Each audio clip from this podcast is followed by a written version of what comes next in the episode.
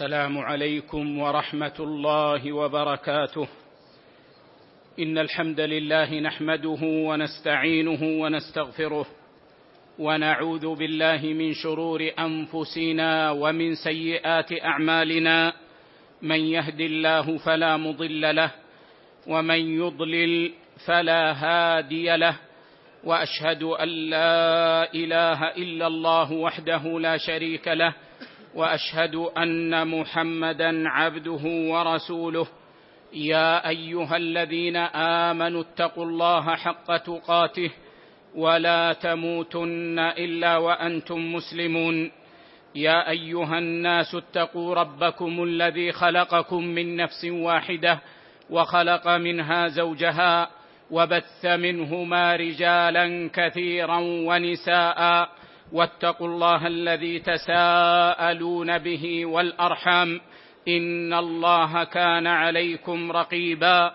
يا أيها الذين آمنوا اتقوا الله وقولوا قولا سديدا. يصلح لكم أعمالكم ويغفر لكم ذنوبكم. ومن يطع الله ورسوله فقد فاز فوزا عظيما. أما بعد فإن خير الحديث كتاب الله. وخير الهدى هدى محمد صلى الله عليه وسلم وشر الأمور محدثاتها وكل محدثة بدعة وكل بدعة ضلالة وكل ضلالة في النار. ثم يا معاشر الفضلاء هنيئا لمن ترك ما لا يعنيه واشتغل بما يعنيه فمن ترك ما لا يعنيه حسن إسلامه وسلم الناس من شره وسلم من شر الناس ومن اشتغل بما يعنيه كان نافعا لنفسه ونافعا لأهله ونافعا لبلده ونافعا لأمته.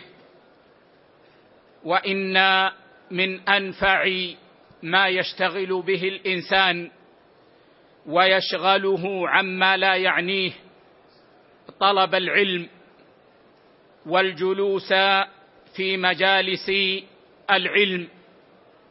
فالجالس في مجالس العلم لا يقوم من مجلسه إلا وقد نزلت عليه سكينة من ربه وغشيته رحمة من ربه وحفته الملائكة وذكره الله عز وجل في من عنده ولا يقوم إلا بثواب عظيم وأجر كريم منه أنه يعود بثواب الحج الذي أتمه الله لصاحبه ومنه أنه يعود بأجر الجهاد في سبيل الله ولا سيما إذا كان المجلس في مسجد رسول الله صلى الله عليه وسلم. فنسأل الله عز وجل أن يجعلنا جميعا ممن اشتغلوا بما يعنيهم وانشغلوا عما لا يعنيهم وحرصوا على أن يحملوا خيرا للأمة وعلى أن يؤدوا خيرا للأمة.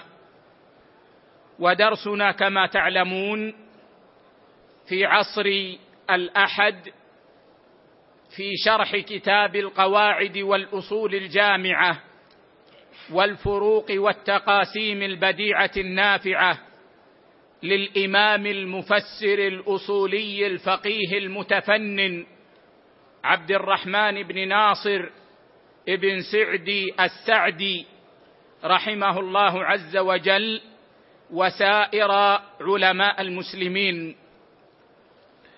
ولا زلنا كما تعلمون مع قسم التقاسيم والفروق. وقد شرحنا جزءا طيبا من هذا القسم. ونواصل اليوم هذا الشرح. فيتفضل الإبن نور الدين. يتفضل الإبن نور الدين. يقرأ لنا من حيث وقفنا. الحمد لله رب العالمين والصلاة والسلام على أشرف الأنبياء والمرسلين نبينا محمد وعلى آله وصحبه أجمعين أما بعد فاللهم اغفر لنا ولشيخنا والسامعين آمين. يقول الإمام عبد الرحمن السعدي رحمه الله تعالى ومن الفروق الصحيحة الفرق بين اليمين الذي تحله الكفارة الذي مقصوده الحث أو المنع أو التصديق أو التكذيب وبين النذر وبين النذر الذي يتعين الوفاء به الذي هو إلزام المكلف نفسه طاعة لله مطلقة أو معلقة على حصول نعمة حصلت أو دفع نقمة اندفعت. فإن الملزم نفسه طاعة لله تعالى لا تبرأ الذمة إلا بأداء هذا الواجب الذي التزمه فالطاعة فيه مقصودة بخلاف اليمين. نعم. من الفروق الصحيحة التفريق بين اليمين التي تحلها الكفارة والنذر والجامع بينهما أن فيهما التزاما وتوكيدا. فاليمين الذي تحله الكفارة وهو اليمين على الا يفعل كذا أو أن يفعل كذا أو الا يفعل غيره كذا أو أن يفعل غيره كذا إذا كانت منعقدة في القلب. فإن صاحبها مخير. بين أن يكفر كفارة يمين وبين أن يلتزم ما في اليمين. لو قال الإنسان والله لا أذهب إلى زواج فلان. أو قال لامرأته والله لا تذهبين إلى بيت أختك. أو نحو هذا. فهو في الأصل مخير بين أن يكفر كفارة يمين فتسقط اليمين وبين أن يلتزم ما في اليمين فلا يلزمه شيء. وسيأتي الكلام إن شاء الله على الأفضل فيما يأتي إن شاء الله. أما النذر وهو إلزام المكلف نفسه طاعة لله عز وجل وهو نوعان. نذر تبرر أو قل نذر تقرب والنوع الثاني نذر مقابلة. فنذر التقرب هو نذر بلا مقابل. فيقول المسلم لله علي أن أصوم كل اثنين وخميس في هذا الشهر. لله علي أن أصوم كل اثنين وخميس في هذا الشهر. فهذا نذر تبرر نذر تقرب ألزم الناذر نفسه. أن يصوم الاثنين والخميس من هذا الشهر. ونذر المقابلة يقول لله علي إن نجحت أن أصوم ثلاثة أيام. لله علي إن شفى ابني أو إن شفى مريضي أن أذبح كبشا أو أن أذبح بقرة فهذا يسمى نذر مقابلة لأنه يقابل ما يفعل بما يطلب يقابل ما يفعل بما يطلب. فهذا النذر إذا عقده الإنسان فإن ذمته لا تبرأ إلا بأن يأتي بهذا الواجب. الذي أوجبه على نفسه. فنذر الطاعة يجب الوفاء به ولا يجوز حله مع الاستطاعة. ما دام مستطيعا فلو كفر مئة كفارة ما يسقط النذر. يبقى في ذمته ولا يجوز له أن يحله مع الاستطاعة. فإن عجز عنه لم يستطعه انتقل إلى إلى بدله إن كان له بدل شرعي على الراجح من أقوال العلماء. قال لله علي أن أصوم ثلاثة أيام فعجز عن الصيام لا يستطيع أن يصوم. ماذا يفعل؟ ينتقل فيطعم عن كل يوم مسكينا. لأن بدل الصيام إذا عجز عنه بدل الصيام الواجب إذا عجز عنه ولم يستطع أداءه ولا قضاءه فإنه يطعم عن كل يوم مسكينا. فكذا في النذر يقاس على الواجب بالشرع. هذا الراجح من أقوال أهل العلم. فإن لم يكن له بدل أو عجز عنه وعن بدله فإنه يكفر كفارة يمين. عجز. ما استطاع أن يأتي بما نذر وليس له بدل أو حتى البدل هو عاجز عنه. ماذا يصنع؟ يكفر كفارة يمين. فإذا كفر كفارة يمين سقط النذر. لعموم قول النبي صلى الله عليه وسلم كفارة النذر كفارة اليمين. رواه مسلم في الصحيح. وهنا تعذر الوفاء بالنذر فيدخل في هذا الحديث. فيكفر كفارة يمين.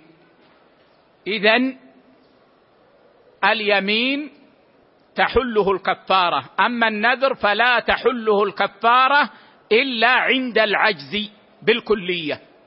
فإذا عجز بالكلية فإنه يكفر كفارة يمين. نعم. قال رحمه الله وبهذا الفرق فرق شيخ الإسلام بين التعاليق المحضة في الطلاق التي إذا وجدت وقع الطلاق وبين الطلاق المعلق على أمر يقصد المنع منه أو الحث عليه أو الحث عليه أن الأخير عنده يجري مجرى اليمين لوجود روح اليمين فيه ومعناه. نعم تعليق الطلاق أي ربط الطلاق بحصول أمر آخر. ربط الطلاق بحصول أمر آخر. على ثلاثة أقسام. القسم الأول تعليق الطلاق على أمر مستحيل. تعليق الطلاق على أمر مستحيل. كأن تقول له طلقني. فيقول لها إن جاء شهر صفر قبل محرم فأنت طالق. إن جاء شهر صفر قبل محرم فأنت طالق. ما يأتي شهر صفر قبل محرم. أو يقول لها إن جاء الحج في رمضان فأنت طالق. أو يقول كما يقول العامة إن حجت البقر على قرونها فأنت طالق. أو كما يقول بعض العامة إن خرجت نخلة في رأسك فأنت طالق. وهذا إخبار باستحالة الطلاق فلا يقع به شيء. كأنه قال لها مستحيل أن أطلقك. فلا يقع به شيء. والقسم الثاني تعليق الطلاق على أمر يقع في المستقبل جزما بحكم العادة. تعليق الطلاق على أمر يقع في المستقبل جزما بحكم العادة. قالت له طلقني. فقال إذا جاء أول الشهر فأنت طالق.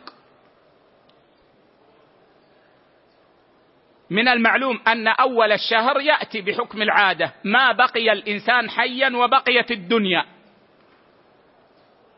هذا معنى قولنا بحكم العادة.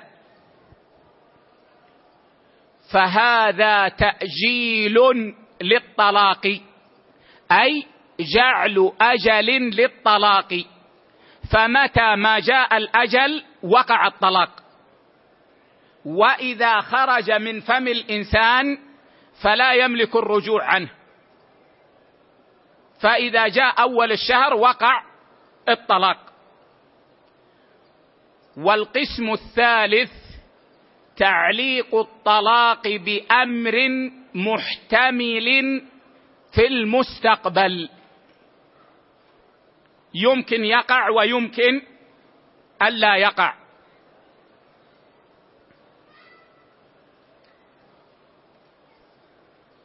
وهذا على نوعين.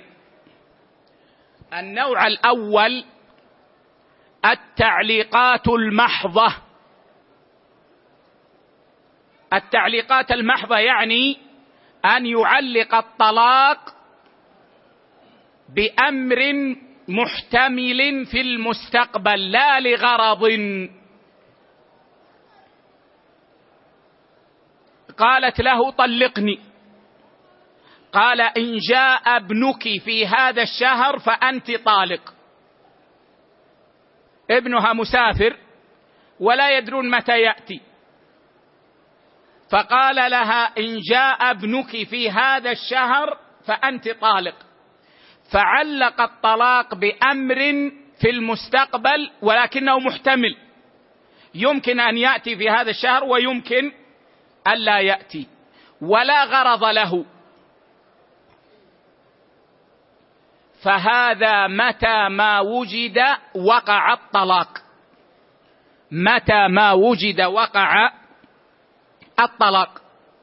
إذا جاء الابن في نفس الشهر وقع الطلاق. وإن لم يأت الابن في هذا الشهر الذي حدده انتهى الكلام. ولا يترتب عليه شيء. هذا يسمى التعاليق المحضة. وأما النوع الثاني فهي التعاليق لغرض المنع أو الحث.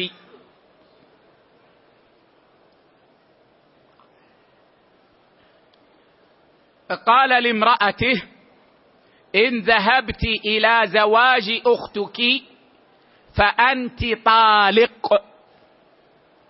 علق الطلاق بأمر يقع في المستقبل.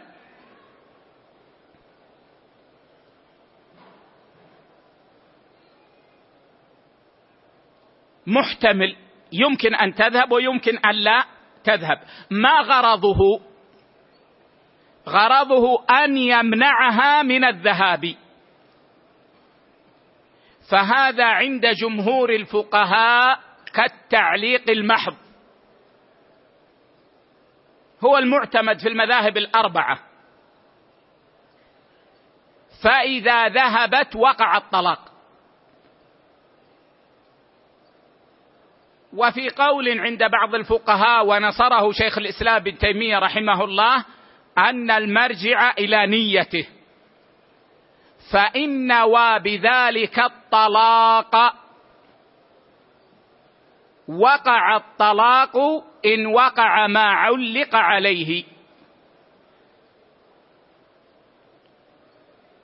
وإن نوى بذلك التأكيد والمنع والتهديد بحيث هددها بما تخاف منه. وإلا فهو لا يريد أن يطلقها ففيه كفارة يمين إن وقع. أو أراد أن يأذن لها. فإنه يكفر كفارة يمين. وينحل هذا الكلام. وهذا هو الراجح. لأن هذا في حقيقته يمين ولكنه جعل بطريق الطلاق فالمقصود منه هو المقصود من اليمين وهو المنع أو الحث فإذا وقع في كفارة يمين وإذا أراد أن يأذن فإن له أن يكفر كفارة يمين ويأذن لها فيما منعها منه. ولا يقع بذلك الطلاق. بقي أن يقول لي أحدكم طيب إذا علق الطلاق بالماضي. قال إن كان زيد قد جاء بالأمس فأنت طالق. فأقول هذا ليس تعليقا. وإنما هو تنجيز.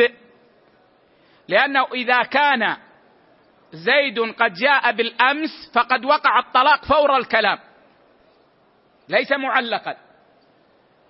وإن كان لم يأتي فالكلام لغو لا يترتب عليه شيء. نعم. قال رحمه الله وبهذا الفرق بعينه فرق الأصحاب بين أنواع النذر الجارية مجرى اليمين كنذر اللجاج والغضب ونحوها فيكفر كفارة يمين وبين النذر الأصيل الذي تقصد فيه الطاعة قصد الداخل في قوله صلى الله عليه وسلم من نذر أن يطيع الله فليطعه فإنه يتعين الوفاء به ولا يجزي عنه كفارة ولا غيرها والله أعلم. نعم. النذر نذر الطاعة نذر الطاعة ينقسم إلى قسمين. القسم الأول نذر يقصد به مجرد التقرب أو المقابلة. يقصد به مجرد التقرب أو المقابلة. لله علي أن أصوم ثلاثة أيام من الشهر. لله علي إن شفى مريضي أن أصوم ثلاثة أيام من الشهر. وهذا كما تقدم يجب الوفاء به. ولا تحله اليمين إلا عند العجز عنه. والنوع الثاني أو القسم الثاني النذر الذي يقصد منه ما يقصد من اليمين. يعبر عنه بعض الفقهاء بالنذر الذي خرج مخرج اليمين. صورته نذر لكن مقصوده هو الذي يقصد من اليمين من منع الإنسان نفسه من شيء أو التكذيب أو التصديق أو نحو ذلك. وهذا الذي يسمى بنذر اللجاج. نذر اللجاج. وأصل اللجاج يا إخوة الصوت صوت القوم المختلط. إذا صاح القوم فاختلط صياحهم لكثرته. وكذلك تطلقه العرب على صوت المعدة عند الجوع. على صوت المعدة عند الجوع. وكذلك يأتي اللجاج بمعنى التشديد. ويأتي بمعنى الثقل. والمقصود هنا هو النذر الذي يخرج مخرج اليمين. فنذر مثلا إنسان يشرب الدخان. فقال لله علي إن شربت سيجارة كلما شربت سيجارة أن أصوم يوما. هذا نذر لجاج. لما؟ لأن قصده من النذر أن يمنع نفسه.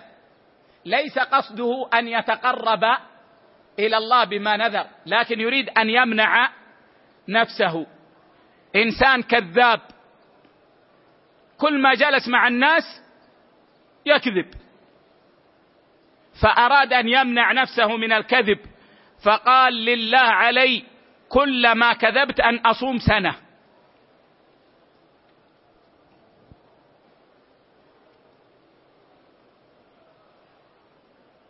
فقصده أن يمنع نفسه من الكذب. أو نذر الغضب. غضب فنذر.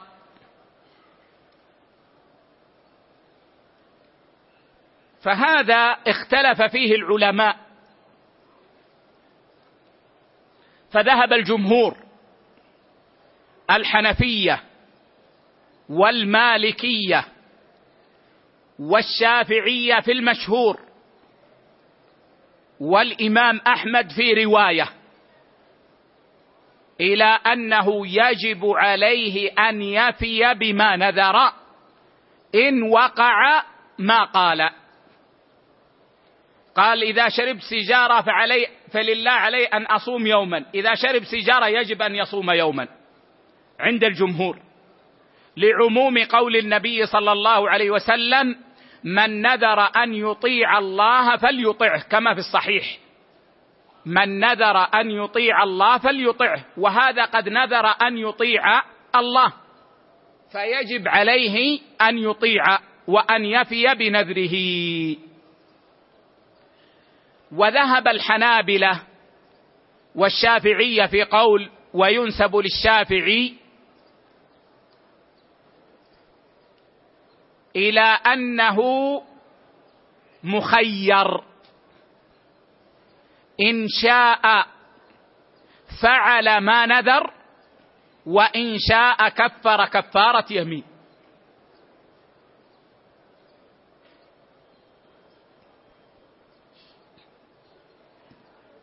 مخير. إن شاء فعل ما نذر إن شاء صام مثلا وإن شاء كفر كفارة يمين. لماذا؟ قالوا لقول النبي صلى الله عليه وسلم كفارة النذر كفارة اليمين أو كفارة يمين. كما في الصحيح صحيح مسلم. ولأن حقيقة هذا النذر أنه يمين. ولأن حقيقة هذا النذر أنه يمين. فالمقصود منه ليس الطاعة. وإنما المقصود منه أن يمنع نفسه أو يؤكد أو نحو ذلك.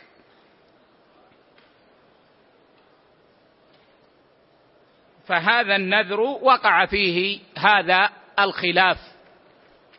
والأصل والله أعلم أنه يجب عليه أن يفي بما قال. لعموم الحديث من نذر أن يطيع الله فليطعه. وليتحقق المقصود من المنع إن كان مما يمنع منه شرعا.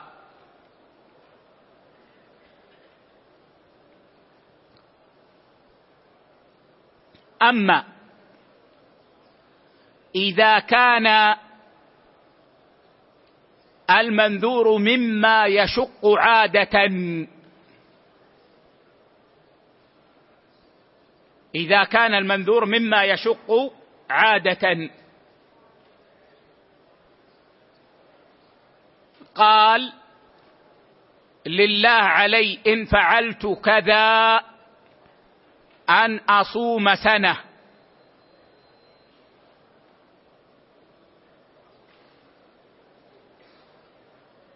أو كان المقصود المنع منه مما هو مباح أو لا يطلب شرعا الامتناع منه.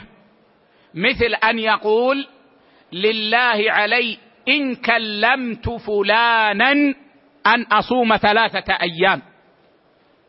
لله علي إن كلمت فلانا أن أصوم ثلاثة أيام. فإن الراجح في مثل هذه الحال أنه مخير بين أن يفعل ما نذر أو يكفر كفارة يمين. إذا يا إخوة الخلاف سمعتموه. والراجع عندي بحسب قواعد الشريعة وحمل الأحاديث الواردة في الباب على ما تجتمع به أنه إذا كان النذر للامتناع من أمر يطلب شرعا الامتناع منه كالكذب وشرب الخمر والزنا ونحو ذلك من المحرمات والغيبة ولم يكن المنذور مما يشق عادة فإنه يجب عليه أن يفي بنذره. للحديث ولأن هذا يحقق المقصود الشرعي وهو الامتناع عن هذا الشيء.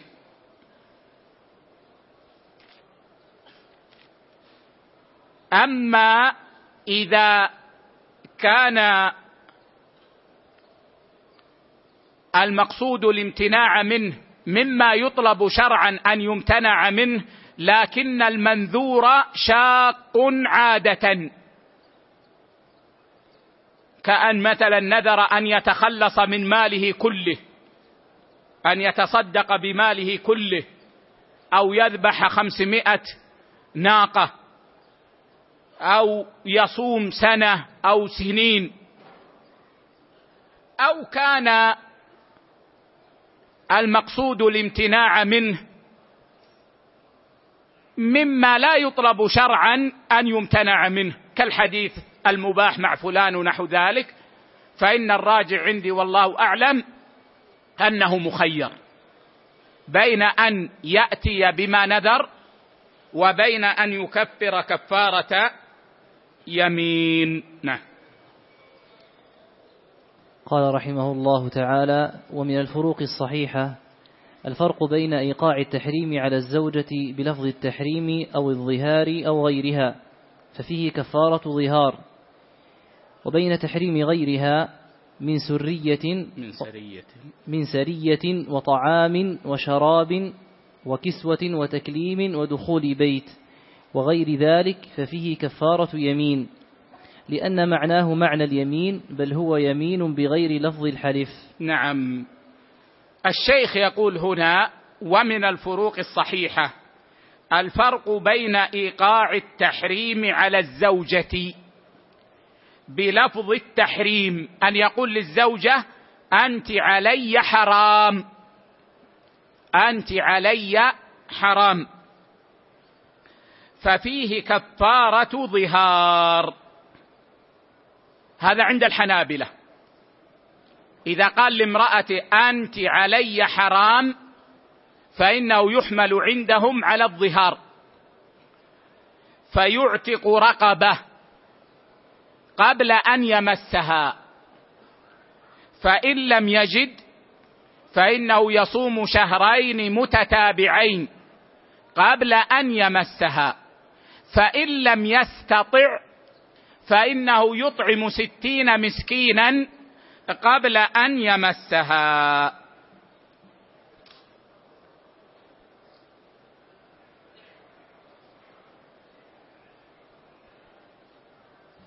أما إذا أوقع التحريم على الأمة فقال للأمة أنت علي حرام أو حرم طعاما معينا. فقال أكل الأرز علي حرام أو حرم شرابا معينا.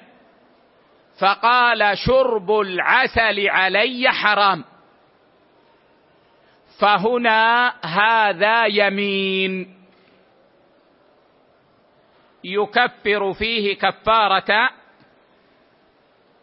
يمين. والصحيح في الأول إذا قال لامرأته أنت علي حرام أن هذا يختلف باختلاف نيته. يختلف باختلاف نيته. فإن قال لها أنت علي حرام بقصد الظهار ونوى الظهار فهذا ظهار. وإذا قال لها أنت علي حرام وقصد الطلاق نوى بهذه الجملة الطلاق. فهذا طلاق لأنه كناية وقد نواه. وإن نوى التحريم. تحريم جماعها. أو أطلق ولم ينوي شيئا. فإنه يكفر كفارة يمين. قال لا أنت علي حرام ولم يقصد طلاقا ولا ظهارا لكن قصد أن لا يجامعها. سواء حدد في نيته يعني الليلة أو هذا الأسبوع أو لم يحدد أو أطلق ولم ينوي شيئا لم ينوي ظهارا ولا طلاقا ولا تحريما. فإنه يكفر كفارة يمين. يكفر كفارة يمين. قال ابن عباس رضي الله عنهما في الحرام يكفر. قال في الحرام يعني إذا حرم على نفسه امرأته أو غيرها. يكفر. وهذا في الصحيحين. وفي رواية عند البخاري قال إذا حرم امرأته فليس بشيء. إذا حرم امرأته فليس بشيء. واختلف العلماء في تفسير هذه الرواية الأخيرة. فقال بعض أهل العلم فليس بشيء يعني فليس بطلاق لكنه يكفر كفارة يمين. وهذا عليه الأكثر وهو الصواب. لأن هذا يرجع إلى الرواية الثانية. يكفر كفارة يمين. وقال بعض أهل العلم ليس بشيء يعني ليس عليه شيء. لكن هذا التفسير مرجوح عندي والله أعلم. فدل قول ابن عباس رضي الله عنهما على ما ذكرنا. طيب بقي شيء. نعم. إن نوى بهذا الحكم الشرعي لوجود مانع. قلنا هذا صحيح وليس عليه شيء. فقالت له تعال إلى الفراش قال أنت علي حرام. أراد أن يخبرها بالحكم لأنها حائض. ما تعرف؟ دعته إلى الفراش أو رأى منها رغبة. فقال لها أنت علي حرام وهو يقصد في هذه الحال. حال كونك حائضا أو حال كونك نفاسا. فهذا صحيح. فهذا صحيح. وإن والحكم مطلقا. لظن ظنه.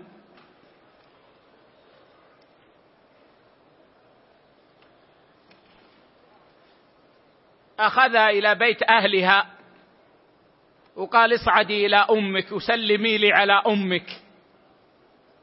وبعد ما ذهب جاءه الشيطان يلعب به وهو موسوس. قال ها أنت قلت لها اصعدي إلى أمك. معنى هذا انك ما تريدها. معنى ذلك أنك نويت الطلاق.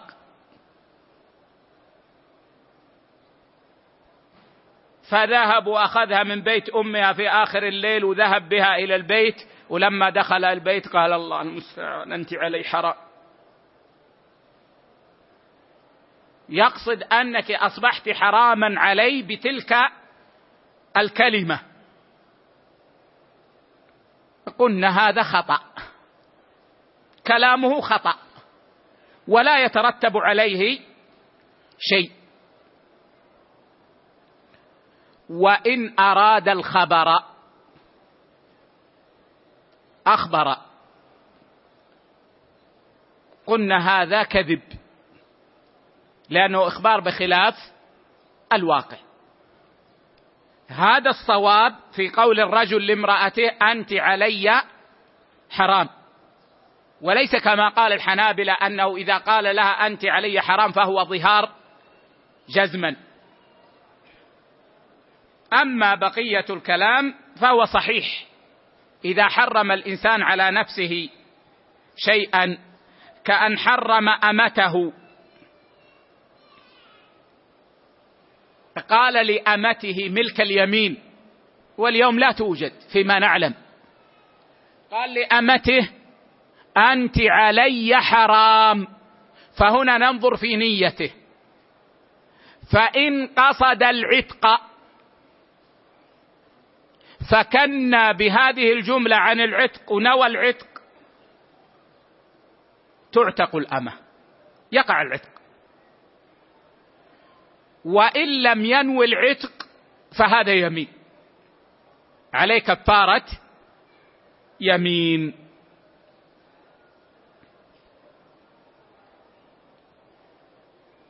إلا إذا أراد الخبر أو الحكم على ما ذكرنا في الزوجة يعني وهذا قليل في إرادة الناس. وإذا حرم الطعام أو الشراب أو الثوب أو نحو ذلك فهذا يمين. فيه كفارة يمين. نعم. قال رحمه الله ومن الفروق الصحيحة الثابتة بالنص الفرق بين لغو اليمين وهي اليمين التي لم يقصدها الحالف بل جرت على لسانه من غير قصد أو الحلف على أمر يعتقده كما قال ثم يتبين بخلافه فلا كفارة في ذلك ولا إثم. وبين اليمين المنعقدة على أمر مستقبل على أمر مستقبل مقصود ففيه الكفارة إذا حنث بفعل ما حلف على تركه أو ترك ما حلف على فعله. نعم. هذا التفريق في اليمين من جهة الكفارة من جهة الكفارة فإن اليمين هنا تنقسم ثلاثة أقسام. يمين تجب فيها الكفارة.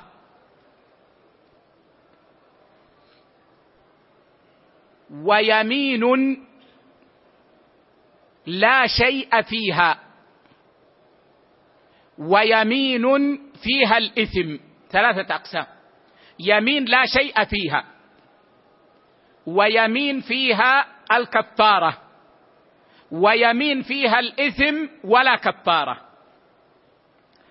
أما الأول وهو اليمين الذي لا شيء فيه فهو نوعان.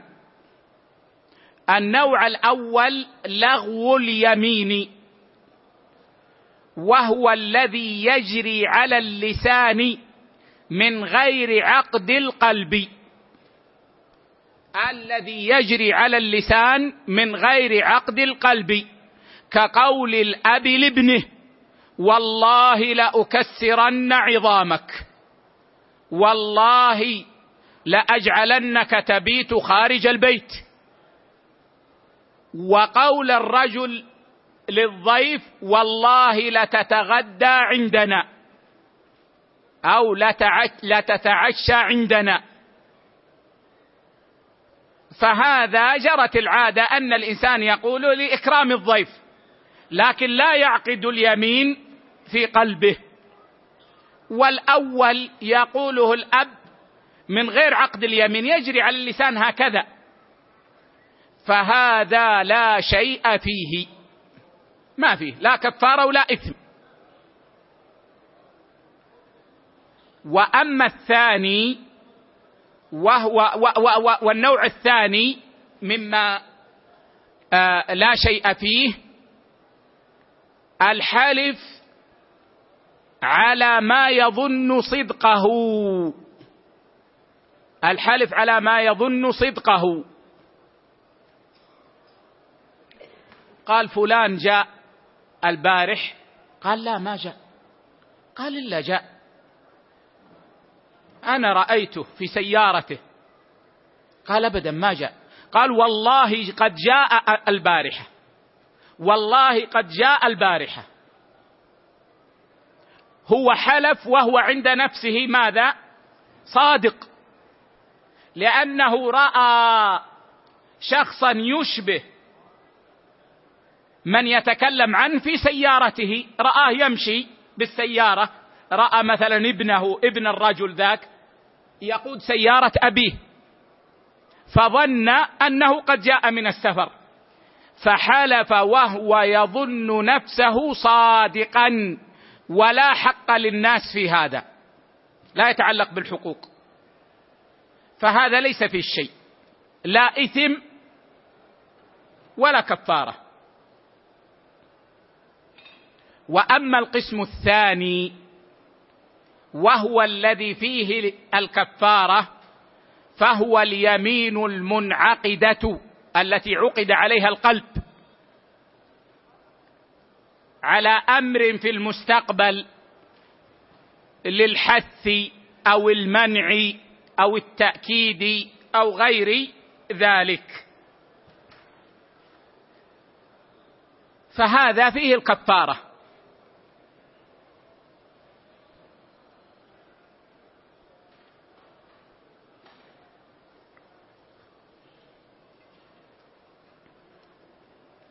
يكفر كفارة يمين.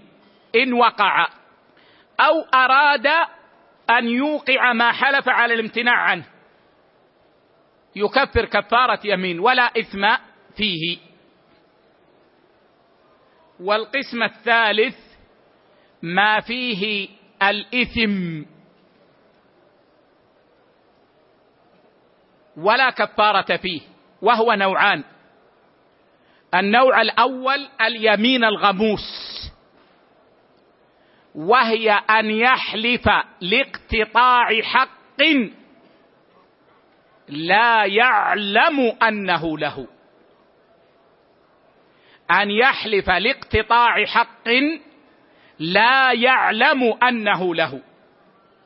اختلف مع جاره على أرض أو قطعة أرض أو شبر من الأرض. وقال له القاضي تحلف أن هذا لك وهو لا يعلم أنه له.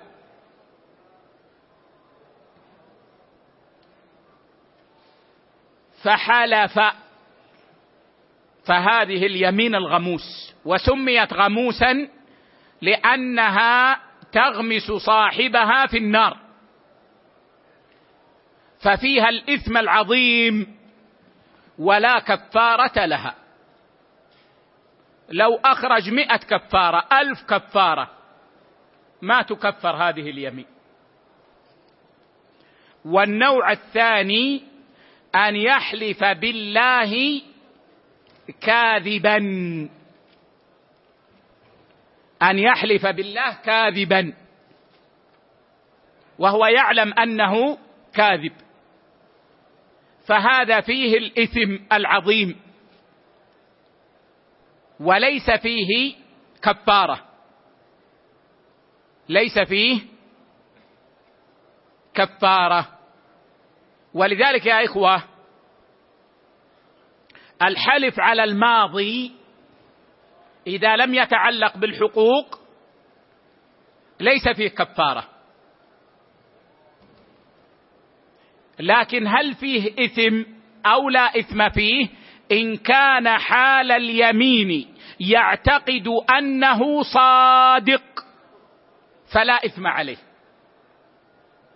وإن كان حال اليمين يعلم أنه كاذب فإنه يأثم. ولا كفارة على كل حال في مثل هذه اليمين. هذه أقسام اليمين بالنسبة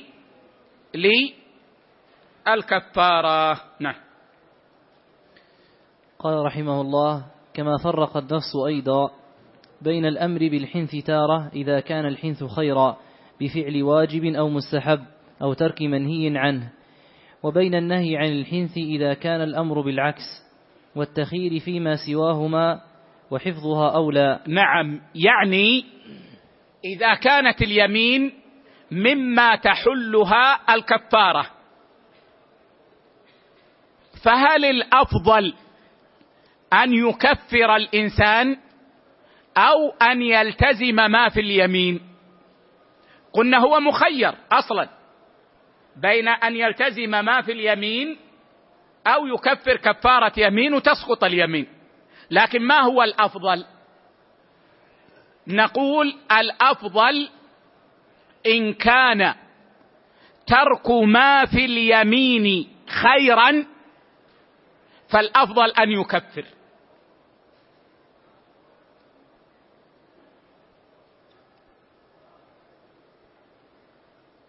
وإن كان فعل ما في اليمين هو الخير فالأفضل أن يلتزم ما في اليمين. قال والله لا أكلم أخي. تكليم أخيه أحسن من عدم تكليم أخيه. فالأفضل أن يكفر ويكلم أخاه.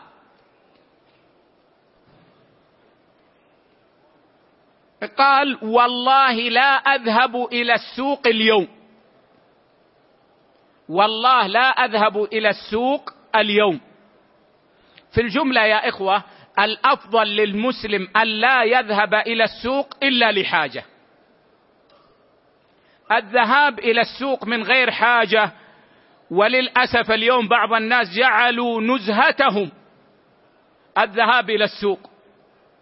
إذا جاء العصر بعد المغرب بعد العشاء قال المرأة إلبسي. إلى أين؟ قال نتمشى في سوق كذا. نتمشى في سوق كذا.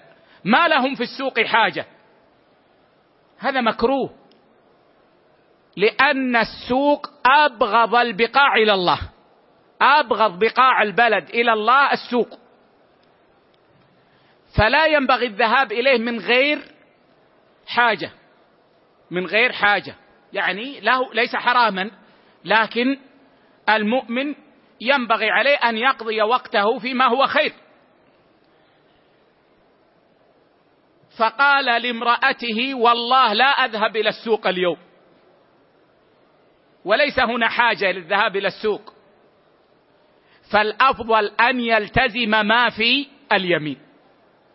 والا يكفر كفارة يمين. هذا مقصود الشيخ وهو ظاهر. نعم.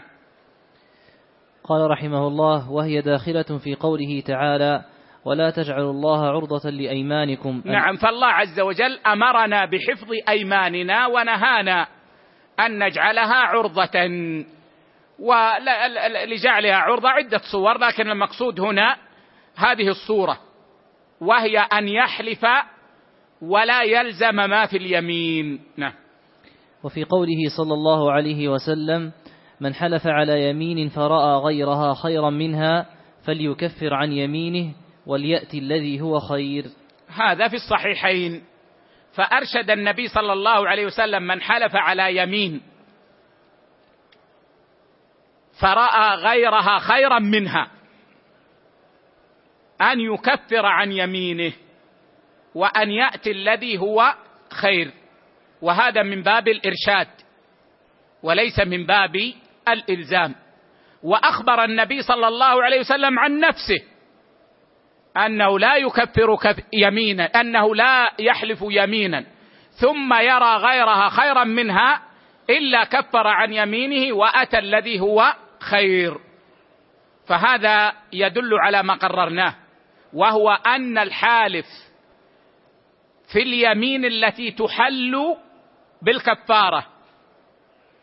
إذا رأى غير اليمين خيرا منها أن الأفضل له أن يكفر. والا يلزم ما في اليمين. ومفهوم هذا أنه إذا لم ير غير اليمين خيرا منها أن الأفضل أن يلزم اليمين والا يكفر. كم الساعة. ها؟ طيب خذ خذ الفرق الذي لي نعم. قال رحمه الله تعالى ومن الفروق الضعيفة تفريق الأصحاب بين الحنث جاهلا أو ناسيا حيث قالوا يحنث في طلاق وعتاق دون اليمين بالله لتعلق الأول بحق الآدمي.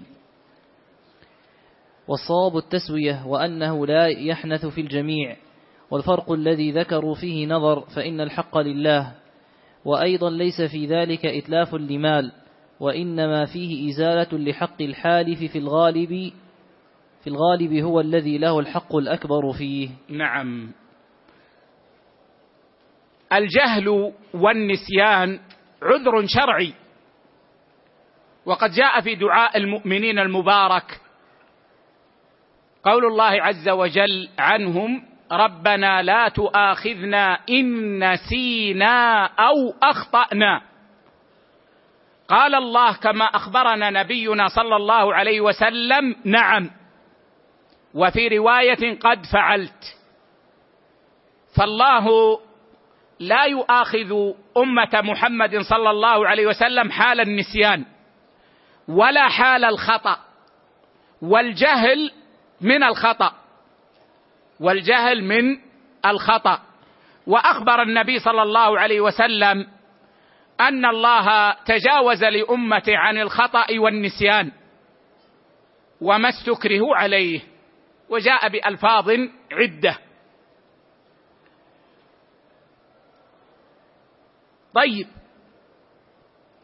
ولذلك يقول الفقهاء إذا حلف يمينا أن لا يفعل شيئا في المستقبل فنسي ففعله أو جهل أنه مما حلف عليه.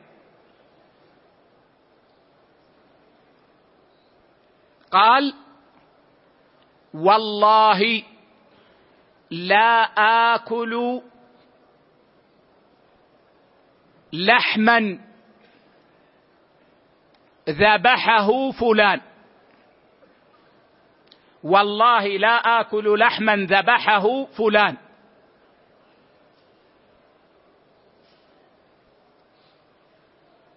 فأتي بلحم من بيت فلان وهو يعلم لكن نسي اليمين. وضعوا الطعام فيه لحم قال من أين لكم اللحم؟ أنا ما جئت بلحم. قالوا فلان ذبح ووزع على الجيران. قال ما شاء الله وبسم الله وأكل.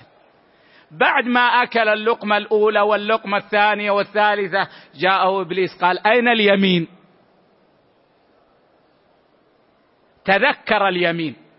هل عليه شيء ليس عليه شيء لكن اليمين محفوظة. ما معنى اليمين محفوظة؟ يجب أن يتوقف فورا عن الأكل.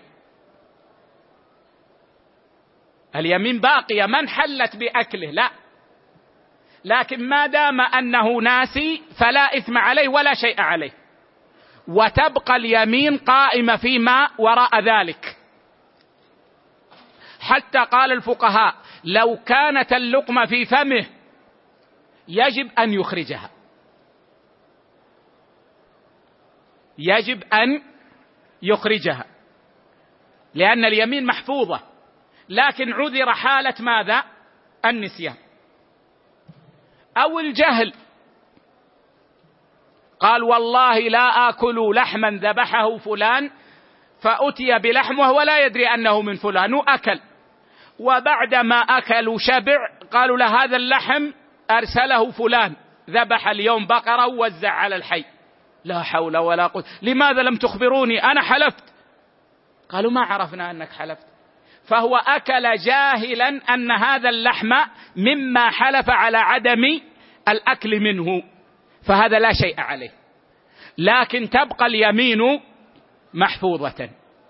وهذا لا إشكال فيه. وجار على القواعد وان وقع في خلاف لكن جار على الأدلة والقواعد لا إشكال فيه. لكن أين الإشكال؟ الإشكال أن الحنابلة يقولون إن حلف بالطلاق أو العتاق فنسي فإنه يؤاخذ. أو جهل فإنه يؤاخذ ولا يعذر. قيل لهم لماذا؟ لماذا أخرجتموه من العذر؟ قالوا لأن الطلاق فيه حق لغيره. يقع على الزوجة. والعتاق حق لغيره حق للرقيق. فلا يدخله العذر. قال الشيخ والراجح التسوية بين اليمين والطلاق والعتاق فإذا كان قد نسي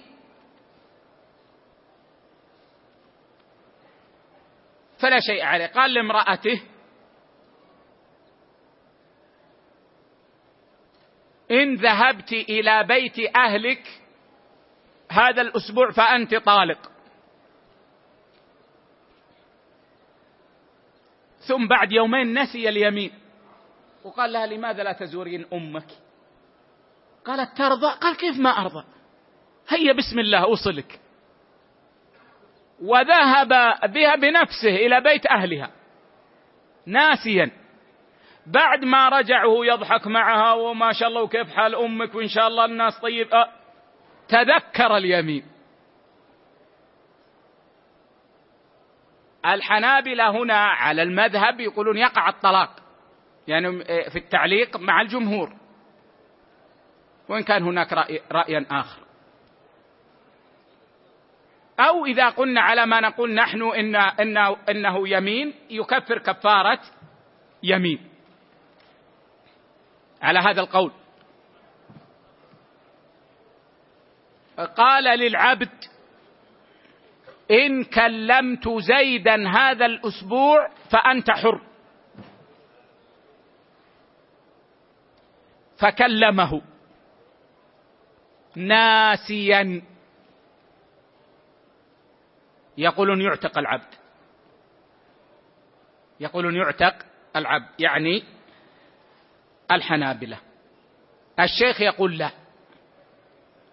في, في اليمين في الطلاق في العتاق ما دام أنه ناسي فهو معذور ما عليه شيء. ويبقى ما قاله محفوظا فيما وراء ذلك. ما دام أنه جاهل فلا شيء عليه. ويبقى اليمين محفوظا أو القول محفوظا فيما وراء ذلك. قال لامرأته كما قلنا إن ذهبت إلى أهلك هذا الأسبوع فأنت طالق فذهب بها ناسيا ثم تذكر فإنه لا شيء عليه. لكن يبقى بقية الأسبوع داخلا في قوله. على ما فصلنا نحن وذكرنا سابقا. وهكذا وهذا هو الراجح. وقول قولهم إن هذا من حق الناس وليس من حق الله في نظر. فإن هذا حق لله. وقوع الطلاق أو الكفارة وقوع العتق أو الكفارة حق لله عز وجل. وليس فيه إزالة حق لمخلوق. وإنما أمر يقع عليه هو. هذا الغالب. نعم فيه تعلق بالمرأة فيه تعلق بال بال بال بالعبد ولكنه يقع عليه هو. وبالتالي لا يوجد ما يقتضي إخراجه من العذر. وهذا هو الراجح إن شاء الله عز وجل. ولعلنا نقف هنا لنجيب عن بعض أسئلة إخواننا ونكمل إن شاء الله في الدرس القادم. غدا إن شاء الله يوم الاثنين هو يوم الإجازة المعتادة ويوم الثلاثاء لن أجلس إن شاء الله وسأجلس يوم الأربعاء في في في درس الأصول إن شاء الله عز وجل. نعم. جزاكم الله خيرا وبارك الله فيكم. أحسن الله إليكم. هذه سائلة تقول تزوجت برجل مريض نفسيا ولم أعلم بذلك إلا بعد الدخول وحاولت أن أصبر مدة جاوزت الثلاث سنوات إلا أنه اشتد عليه المرض حتى صار يهددني بالقتل وأصبحت لا أطيق العشرة معه وأنا الآن أخاف على نفسي معه كما أخشى من ضياع تربية أبنائي. والسؤال هل يجوز لي أن أطالب بالطلاق علما بأن المحكمة ستجبره على دفع النفقة الأبناء وهو فقير؟ فهل علي إثم في ذلك؟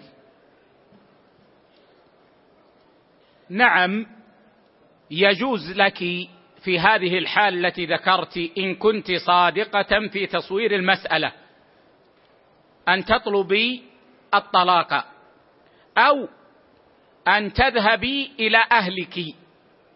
وتبقي عندهم و و و و و وتبقي عندهم في البيت حتى يتعالج. يعني يجوز لك أن تأخذي أولادك وتذهبي إلى بيت أهلك وأنت على ذمته لأن في البقاء خطرا. وقد وقفنا على قصص. في مثل هذه الحال ذبح الزوجة والأبناء ووجدوه يبكي عندهم. فيجوز أن تذهبي إلى بيت أهلك ويجوز لك أن تطلب الطلاق منه ويجوز أن تصبري وأنت عند أهلك ولست بناشز ولا تأثمين بهذا. لك أن تصبري حتى يتعالج ويشفى إن شاء الله. ولك أن تطلبي الطلاق ولا إثم عليك في هذا. نعم. أحسن الله إليكم. هذا سائل يقول ما معنى قوله في الحديث عليه الصلاة والسلام برحمتك أستغيث؟ وهل فيه جواز الدعاء بالصفات؟ هذا سيأتي إن شاء الله في الواسطية وسنبسطه بسطا. نعم. أحسن الله عليكم. هذا سائل يقول هل يجوز للجمعيات أن تقبل نقودا من الناس بقصد كفاراتهم لأن في بعض البلاد يشق وجود المساكين لإطعامهم؟ نعم وهذا من التعاون على البر والتقوى. والله عز وجل يقول وتعاونوا على البر والتقوى. أن تعين أخاك المسلم على أن يكفر كفارة اليمين مثلا أو بقية الكفارات وهو لا يعرف المساكين. أو لا يعرف كيف يتصرف فتعين على هذا وتقوم بعض الجمعيات الخيرية بهذا الأمر فهذا شيء طيب. ما فيه بأس. نعم. أحسن الله عليكم. هذا سائل يقول هل المصحف الإلكتروني له حكم المصحف الورقي من حيث الأجر والوضوء له وغير ذلك؟ أما من حيث الأجر فنعم فالمقصود القراءة. وأما من حيث بقية الأحكام فلا. لأنه قرآن في الجهاز وليس مصحفا. فيجوز للحائض أن تمسه. ويجوز للإنسان أن يقرأ منه وهو على غير طهارة. لأنه ليس مصحفا. وإنما هو قرآن في داخل الجهاز. والجهاز الأصل فيه أنه للاتصالات وغير ذلك وهذا شيء تابع ويغتفر في التوابع ما لا يغتفر في غيرها. نعم. أحسن الله إليكم. هذا سائل يقول في بعض قرى في بلادنا لا يورثون المرأة فهل يجوز لها أن ترفع على إخوانها؟ قال أن ترفع دعوة قضائية علما بأنهم غالب يكونون إخوانها. منع المرأة من الميراث كبيرة من كبائر الذنوب وصفة من صفات أهل الجاهلية. وقد هدم الإسلام هذه العادة وجاء بالعدل والإحسان إلى المرأة وجعل لها نصيبا من الميراث معلوما. فيجب إيصال نصيبها إليها سواء كانت في بيت والديها أو كانت في بيت زوجها. ولا يجوز حرمانها من الميراث بل لا يجوز إعطاؤها أقل من نصيبها بل لا يجوز تخصيصها بأسوأ الميراث. كل هذا حرام. الواجب أن تعطى حقها الذي جعله الله عز وجل لها. فإن ظلمها إخوانها فإنها تستعين بالله اولا ثم تستعين بأهل العقل والحكمة ممن حولها. ليعطيها إخوتها حقها.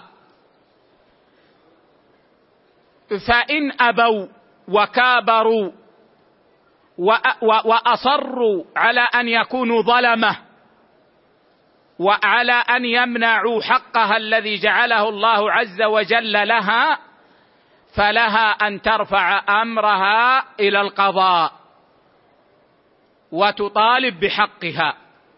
وليس هذا من قطيعة الرحم. فإن قطعها إخوانها لطلبها حقها فهم القاطعون. وأما هي فليست قاطعة.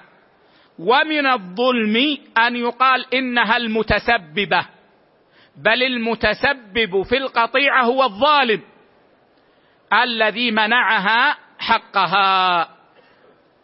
فالوصية لكل مسلم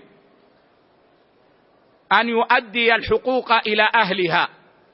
وليعلم أنه إذا لم يعط الحق اليوم لضعف صاحب الحق فإنه سيؤخذ من حسناته يوم القيامة. ويستوفى منه الحق يوم لا درهم ولا دينار. وإنما هي الحسنات فيؤخذ من حسنات هؤلاء الإخوة وتعطى لهذه المرأة فإن, فإن فنيت حسناتهم قبل أن توفى حقها أخذ من سيئاتها فطرحت عليهم. فطرحوا في النار والعياذ بالله. فعلى الجميع أن يتقوا الله وأن يلزموا شرع الله ولعل في هذا كفاية والله أعلم وصلى الله على نبينا وسلم.